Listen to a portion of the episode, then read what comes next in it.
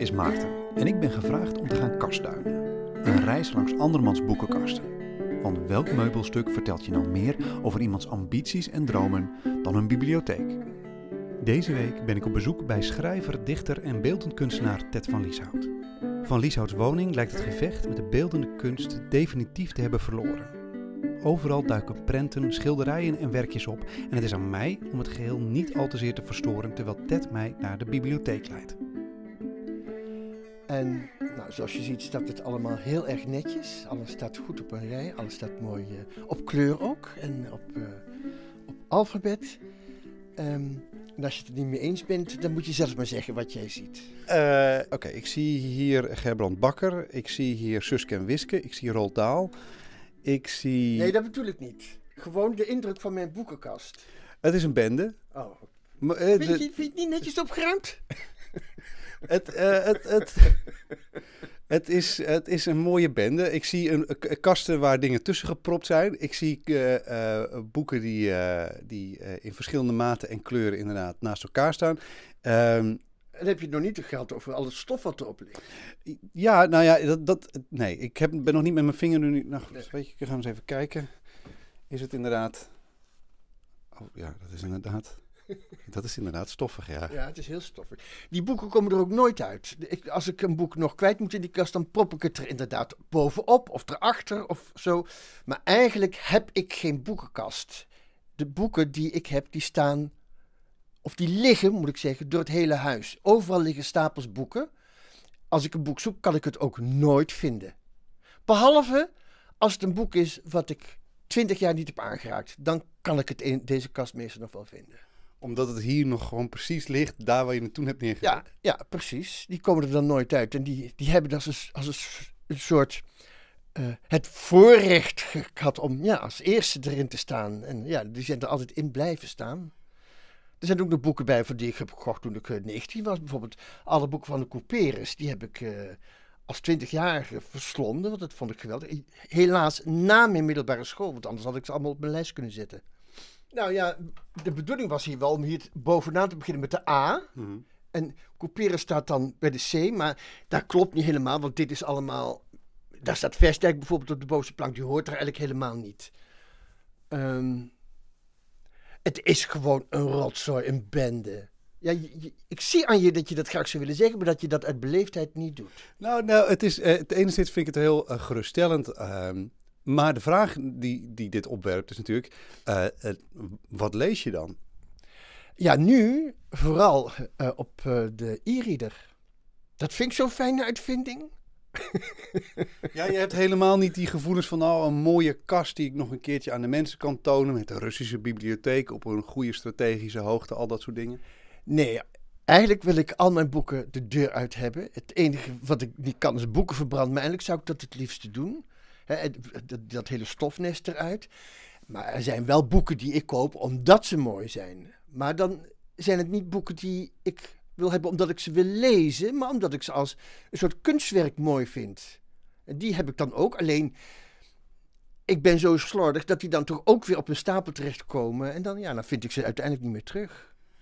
Zuiver je dit wel eens? In de zin van, nee, nee, het is overduidelijk. Ik kan dit niet genoeg beklemmen dat hier duidelijk niet schoongemaakt wordt.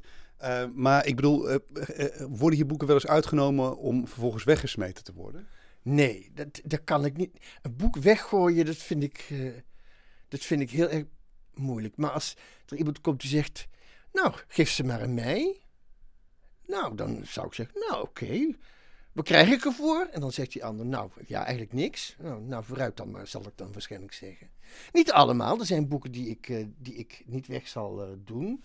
Nou, bijvoorbeeld die, die, deze Gerbrand Bakker zal ik... Uh, Je hebt heel veel Gerbrand Bakker hier, zie Ja, maar wij zijn een tijd heel erg bevriend geweest, dus toen heb ik al zijn boeken gekregen.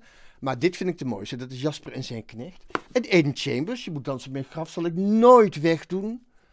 Uh, en zo zijn er wel meer boeken die ik, uh, waar ik echt heel erg op gesteld ben. Kun je daar wat over vertellen, over Eden Chambers? Want, want ik ken het boek niet. Um, ja, het is een klassieker in de, in de jeugdliteratuur. Um, het is eigenlijk een soort homoroman voor, voor de jeugd over twee uh, homojongens. En uh, de een gaat er dood en de ander danst op zijn graf. En daar wordt hij bij betrapt en dan wordt hij ondervraagd van waarom heb je dat gedaan? En dan is het verhaal eigenlijk een soort ah, verslag van hoe dat zo gekomen is. Voor mij is dat ook als, als schrijver wel uh, een belangrijk boek geweest, omdat het is opgebouwd in paragrafen. Het is niet in hoofdstukken, maar in korte en langere paragrafen. En dat vond ik eigenlijk wel een vondst. Dat heb ik zelf ook een keer gedaan in uh, het boek De Allerliefste Jongen van de Hele Wereld. Dat je in fragmenten kunt schrijven en dat je van het ene fragment naar het andere fragment kunt gaan. Een beetje zoals in een film, waarin scènes achter elkaar worden gezet, die vormen wel samen het hele verhaal, maar het zijn eigenlijk paragrafen, zou je kunnen zeggen, in het geheel. Hoe oud was je toen je dat boek las?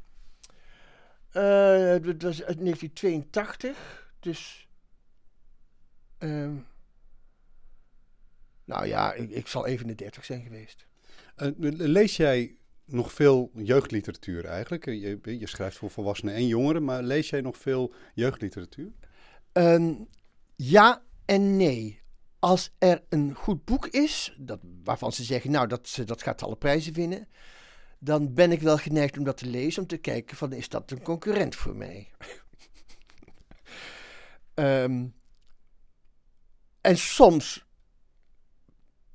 koop ik een boek omdat ik echt geïnteresseerd ben, zoals bijvoorbeeld de Zweetvoetenman, uh, uh, dat was, die was genomineerd voor de Woutertje Pieterse prijs en ik ook met een ander boek.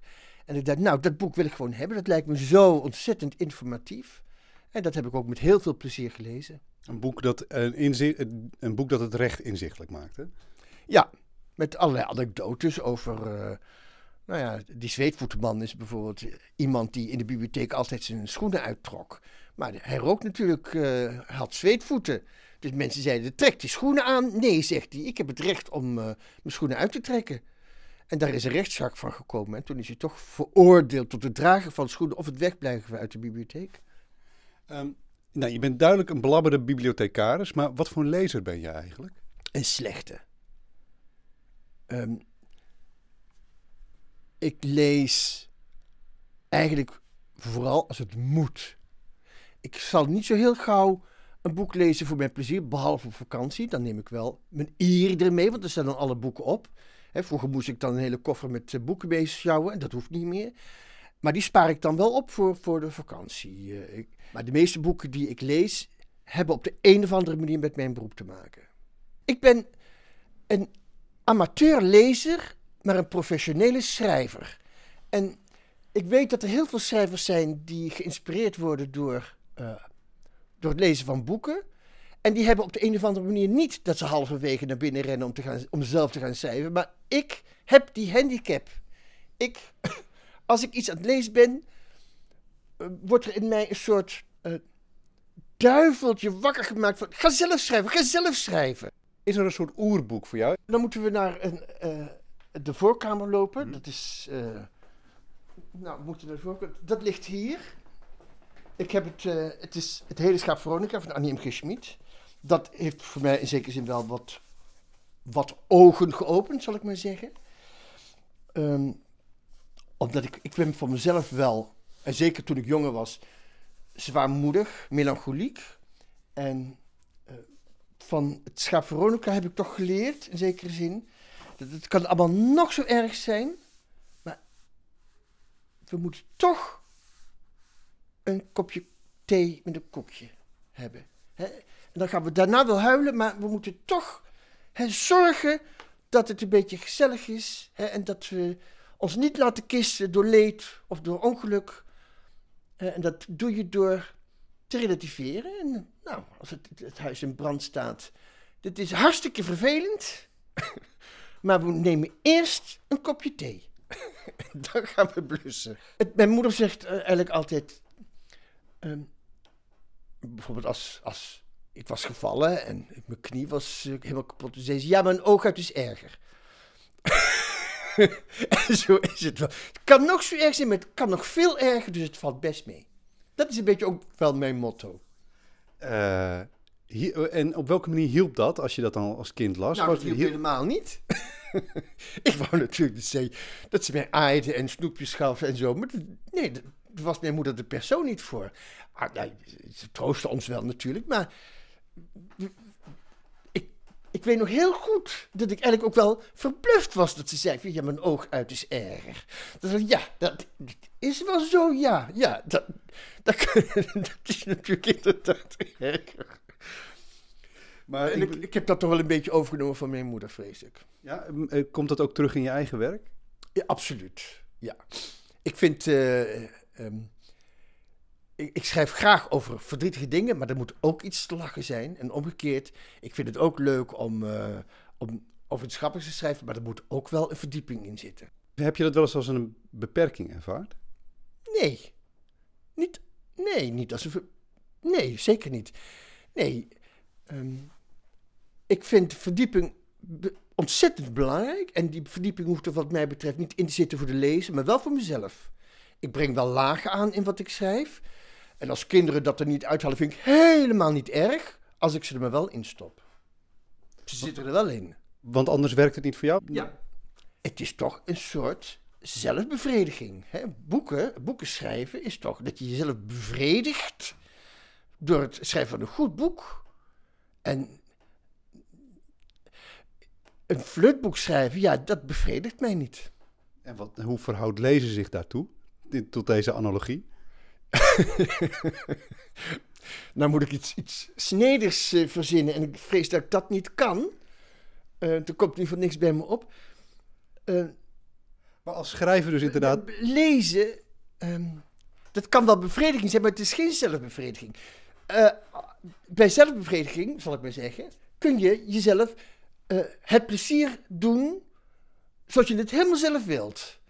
Als een andere het doet, dan is het, ja, nou, het is fijn, het is leuk, maar het is niet helemaal zoals ik het graag wil. Is het een beetje. Ja, nee, ik, eh, nou ja, uh, uh, het, het, verschilt per relatie, kan ik je, kan ik je, kan ik je geruststellen. Daar maar. Uh, nog eens een keer over, praten. um, nee, nee, maar dat is dus. dus, dus de, um, maar het lezen is dus eigenlijk je tijd met een ander verdoen. Ik denk dat je daar wel iets waars zegt, ja. Maar um, Afgelopen woensdag was er een uh, kinderboekenfeest en daar uh, werd gezegd dat, je, um, dat wij meer multiculturele boeken moeten schrijven, zodat kinderen met een andere culturele achtergrond zich beter kunnen herkennen in, in boeken.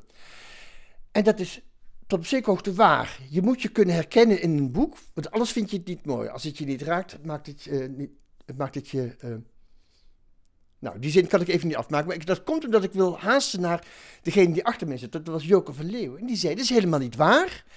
Je leest een boek omdat je een ander wilt leren kennen. En dat is natuurlijk ook waar. Je, als je een boek van iemand anders leest, dan wil je jezelf wel daarin herkennen. Maar je wilt ook die ander leren kennen. Ja. Ja. En voor jou persoonlijk voelt dat toch een beetje als tijdverdoen? Um, dat Ehm, ik, ik, moet nog heel erg lang denken, want hoe zal ik hier nou mijzelf uit redden? Ehm, ik denk wel dat het voor een deel waar is, maar dat heeft te maken met die beroepsdeformatie. Elke keer als ik in een boek bezig ben, wil ik naar mijn eigen computer lopen om zelf te gaan schrijven. Uh, maar, en dat heeft wel misschien iets te maken met een bepaalde mate van desinteresse in wat er in dat boek staat. Tegelijkertijd is het ook zo dat als het een heel goed boek is, ik dat boek wel gewoon uitlees. Het zijn toch meestal, als ik een boek lees waar ik niet helemaal mezelf in kan vinden, of dat ik, dat ik die ander niet zo interessant vind, dan, dan gebeurt meestal dat ik zelf naar de computer loop. Als ik echt een echt goed boek ben, dan blijf ik geboeid lezen. Zijn er collega's waar je jaloers op bent? Als je dat leest, denk je van, verdomme. Ja, dat ben ik wel. Ik ben bijvoorbeeld uh, best wel jaloers op Bart Moejaert, dat is een Vlaamse schrijver.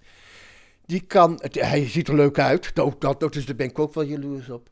Hij is hartstikke populair, daar ben ik ook wel jaloers op. En, en daar ben ik dan het meest jaloers op, hij kan um, op een fabelachtige manier formuleren. Uh, hij schrijft heel poëtisch. Um, dat zou ik ook wel graag willen kunnen. Daar staat dan wel tegenover dat ik zijn boeken eigenlijk niet uit kan lezen, omdat ik als het ware zo um, verdiept ben in de manier waarop hij zijn taal gebruikt, dat ik niet aan het verhaal toe kom. Dus daar ben ik dan weer wat minder jaloers op. En, maar dat, dat zou ik eigenlijk ook wel kunnen. Dat ik. eh, ik, ik, zet er aanhalingstekens bij. Gekunsteld, want ik bedoel het in de positieve zin. Hè, dat je op een kunstige manier kunt schrijven. Dat kan ik niet. Nou zeggen mensen, dat kun je wel, want jou, jij hebt een hele eigen stijl. Maar dat zie ik dan niet. Ik zie niet dat ik een eigen stijl heb. Ik denk dat ik heel door de week schrijf. En dat mijn boeken mooi zijn of goed zijn. Doordat ik een thema op een bijzondere manier aanschrijf. Maar dat ik mooi formuleer of zo, dat ben ik me niet van bewust. Ehm, zijn er nog meer waar je jaloers op bent? Eh, nou ja, ik ben, ben altijd jaloers als een ander een prijs krijgt die ik graag wil hebben. Je kan ze niet allemaal winnen. Ja, maar nou, dat zou wel moeten eigenlijk. Het beste zou zijn dat ze bij die prijzen zeggen... Nou, jury is helemaal niet nodig. We geven gewoon alle prijzen aan Ted van Lieshout. Dan, dat, is, dat zou het beste zijn voor iedereen. Het grappige is natuurlijk dat wa- wat je zegt, eh, er staat wel wat op het spel als jij leest eigenlijk. Dus of het is vreselijk en je moet aan de slag hè, om het te weerspreken, dus de slechtheid van die, van die boeken. Of het is zo goed dat je er bijna door lam geslagen wordt. Ja, ja, dat is zo. Eh, er zijn ook maar een paar boeken per jaar die ik echt heel mooi vind... en die ik gewoon met rust kan laten. En gewoon waarvan ik kan zeggen, nou, dat was echt een fijne leeservaring. Zoals? Nou, van, van vorig jaar was het boek eh, De Familie Man. Dat vond ik echt een geweldig boek. Eh, je, dat is... eh, ja, dan moet, ik, dan moet ik weer naar achter lopen. Ehm, dan kan ik het wel. Het is wel fijn als ik natuurlijk even de schrijver en de vertaler kan noemen. Tillerman heet hij, geloof ik.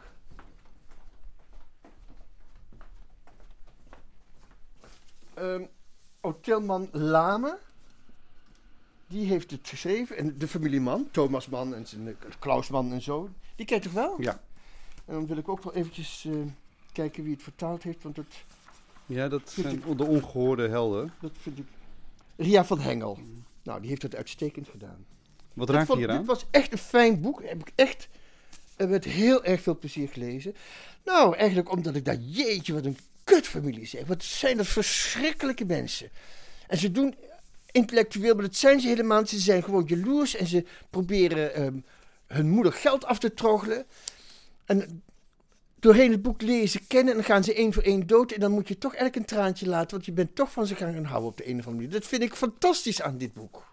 Dus de, de hele familie Man, de, de, de grote Duitse intellectuele eh, familie, die wordt hier eigenlijk voor jou eerst helemaal afgebroken om vervolgens dan toch daar mensen van te maken. Ja, en dat heeft die schrijver heel erg goed gedaan, vind ik. Denk je dat het haar bedoeling was? Of denk je dat het de bedoeling was? Of eh, denk je dat zijn bedoeling was om dat te doen? Eh, Dat jij dat eruit haalt dat het een kutfamilie is? ja, dat denk ik wel. Ja. Ik denk dat hij zelf ook heeft gedacht van... Jeetje, wat, wat zijn dit klaplopers allemaal. Maar hij, hij, hij, hij houdt tegelijkertijd van die familie... en dat, dat, dat komt door in het boek heel goed tot uitdrukking. Echt een aanrader. Ben jij een trouw mens eigenlijk? Ehm, ja, dat ben ik wel. Totdat ik eh, het gevaar zie dat ik er aan onderdoor ga, dan ben ik weg. Ja, nee, ik, ik, ik, ik moet ook even denken aan al die boeken die hier nog staan en die je dus ook niet weggooit. Nee, dat, maar dat zou ik eigenlijk wel. Ah, ik, word op een gegeven moment een, een dagje ouder. Ik zal op een gegeven moment moeten verhuizen. En dan, ja, dan zullen ze toch weg moeten. Dat, ik kan ze dan niet meenemen. En dat, dat moment vrees ik wel in zekere zin. Nee, je bent nog hartstikke jong en fit, toch? Ja, maar goed, ik, ik, kan een hersenbloeding krijgen. Dan is het zo afgelopen. Ja, dat is waar. Maar dat kan mij ook overkomen. Eh, Zou er een boek zijn dat je dan toch nog meeneemt? Dat kun je nog net in je verzwakte vingers vastklemmen. Dat gaat dan nog net mee. Mee naar het ik- zusterboek. Mijn eigen boeken neem ik in ieder geval mee. Ehm, even kijken. Nou, die Eden Chambers neem ik mee. Eh, die Gerrit Bakker neem ik mee. Even kijken. Maar eh, even kijken wat ik nog meer uit deze kast. Ja, nou, Couperus. Ja, nee, die, die zou ik nou geloof ik niet meer meenemen. Deze van Alfred tot Zonderland, die neem ik ook wel mee. Dat zijn eh dat een mooi verzameling boek, eh, eh, gedichten. De Nederlandse kinderpoëzie uit, van alle tijden. Ja, dat is wel een bijzonder boek. Dat neem ik dan weer wel mee. Daar zit je waarschijnlijk ook in. Daar sta ik ook in, ja. Oh, dat mag niet, hè? Dat mag wel hoor. Eh, eens even kijken of ik er nog eentje. Uh, Gerrit Komrij. Averechts en Verwoest Arcadië neem ik ook mee. Ehm, En boeken van Reven, eh, Moeder en Zoon van uh, Reven, daar heb ik toch wel erg van genoten. Nou, de, de, zullen we het daar even bij houden? Ja, en, mijn kunstverzameling, eh, kunstboeken, die, die neem ik ook allemaal mee. Is er een, is- is- eh, welke, even kijken, zit er- welke zou je definitief, zou, welke zou je zeker weten meenemen? En hangt het dan af van de schrijver of het Nou, onderwerp? ligt boven, maar dat is zo'n boek waar ik allemaal plaatjes uitgeknipt heb. Weet je wel, dat hangt af aan, aan flarden bij elkaar. Maar die neem ik allemaal mee. Ja, ik, tenminste als ik blijf schrijven. Als ik niet, niet meer schrijf, dan... eh, Ik kan mij niet voorstellen na dit gesprek dat jij ooit gaat ophouden met schrijven. het, het is een beetje als, ehm, als vroeger. Iedereen zei altijd, Ted wordt tekenaar, Ted wordt tekenaar, Ted wordt tekenaar. En dat ik toen dacht, ja, maar kan ik nou echt helemaal niks anders? Moet ik tekenaar worden? Ik zag niet dat dat, dat talent iets was, om, dat dat mooi was. Maar dat ik dacht, ja, dat is mijn lot. Ik kan helemaal niks anders dan tekenen. Nou, toen was ik tekenaar, vond ik, vond ik er helemaal niks aan. Was ik illustrator geworden, dacht, oh, een verschrikkelijk beroep. dus toen, toen ik schrijver kon worden, ben ik gauw overgestapt. Ik illustreer nog steeds mijn eigen boeken, maar niet meer als, als een illustrator, maar meer als een soort beeldend kunstenaar, zou je kunnen zeggen. En nu denk ik inderdaad, van, ja, ik, ik, het enige wat ik kan is schrijven. En voor rest kan ik niks. Zelfs niet lezen. Ja, nou ja, ik ben in ieder geval wel leesvaardig. Ik kan lezen. En dat is natuurlijk een punt wat nu zo moeilijk wordt. We komen in een, in een maatschappij terecht waarin mensen gewoon niet meer kunnen lezen. En alles in plaatjes wordt uitgelegd. omdat Mensen gewoon de, de vaardigheid niet meer hebben om te kunnen lezen. En dus alleen maar korte tekstjes aan kunnen. Eh, en liefst nog een plaatje. Dat je ziet van, dat je daarop moet drukken. Want dan krijg je eten. En als je op dat andere knopje, dan krijg je koffie. Hè, dat staat, er staat ook niet koffie op, nee, er staat een, een kopje op met een, een rookje eruit, weet je wel, een wolkje eruit. Hoe zeg je dat nou? Een rookpluimpje. Hè, dan weet je dat dat koffie is. Want hoe je dat moet schrijven, ja, dat weten we binnenkort niet meer. Dat, de, de- wat houdt eerder, de- nou ja, wie houdt er eerder mee op, denk je? Je lezers of eh, jouw schrijven? Nou, uiteindelijk eh, hou ik er eerder mee op, want ik ga eerder dood dan, eh, dan de lezer dood is. L- Er blijven altijd wel mensen lezen, dus die overleven mij wel. Jouw Maar- lezers, hè? Ja, maar... Oh, mijn lezers, heb je daarvoor? Ja. Oh, als ik eenmaal dood ben, dan is het, ben ik zo weg. Dan gaan die boeken, ehm, die komen dan nog misschien terecht bij het literatuurmuseum. Ehm, maar binnen een jaar of vijf ben ik eh, volkomen weg en vergeten. Ook uit, uit de bibliotheken. De bibliotheken eh, houden hun collectie ook niet meer in stand. Die wordt steeds ververst en aangepast aan wat de boekhandel al eh, op stapels heeft staan he- zeg, op stapels heeft liggen, in de kast heeft staan. Nee, ik, heb, ik maak me geen illusie dat mijn naam lang blijft voortbestaan als ik eenmaal eh, dood ben.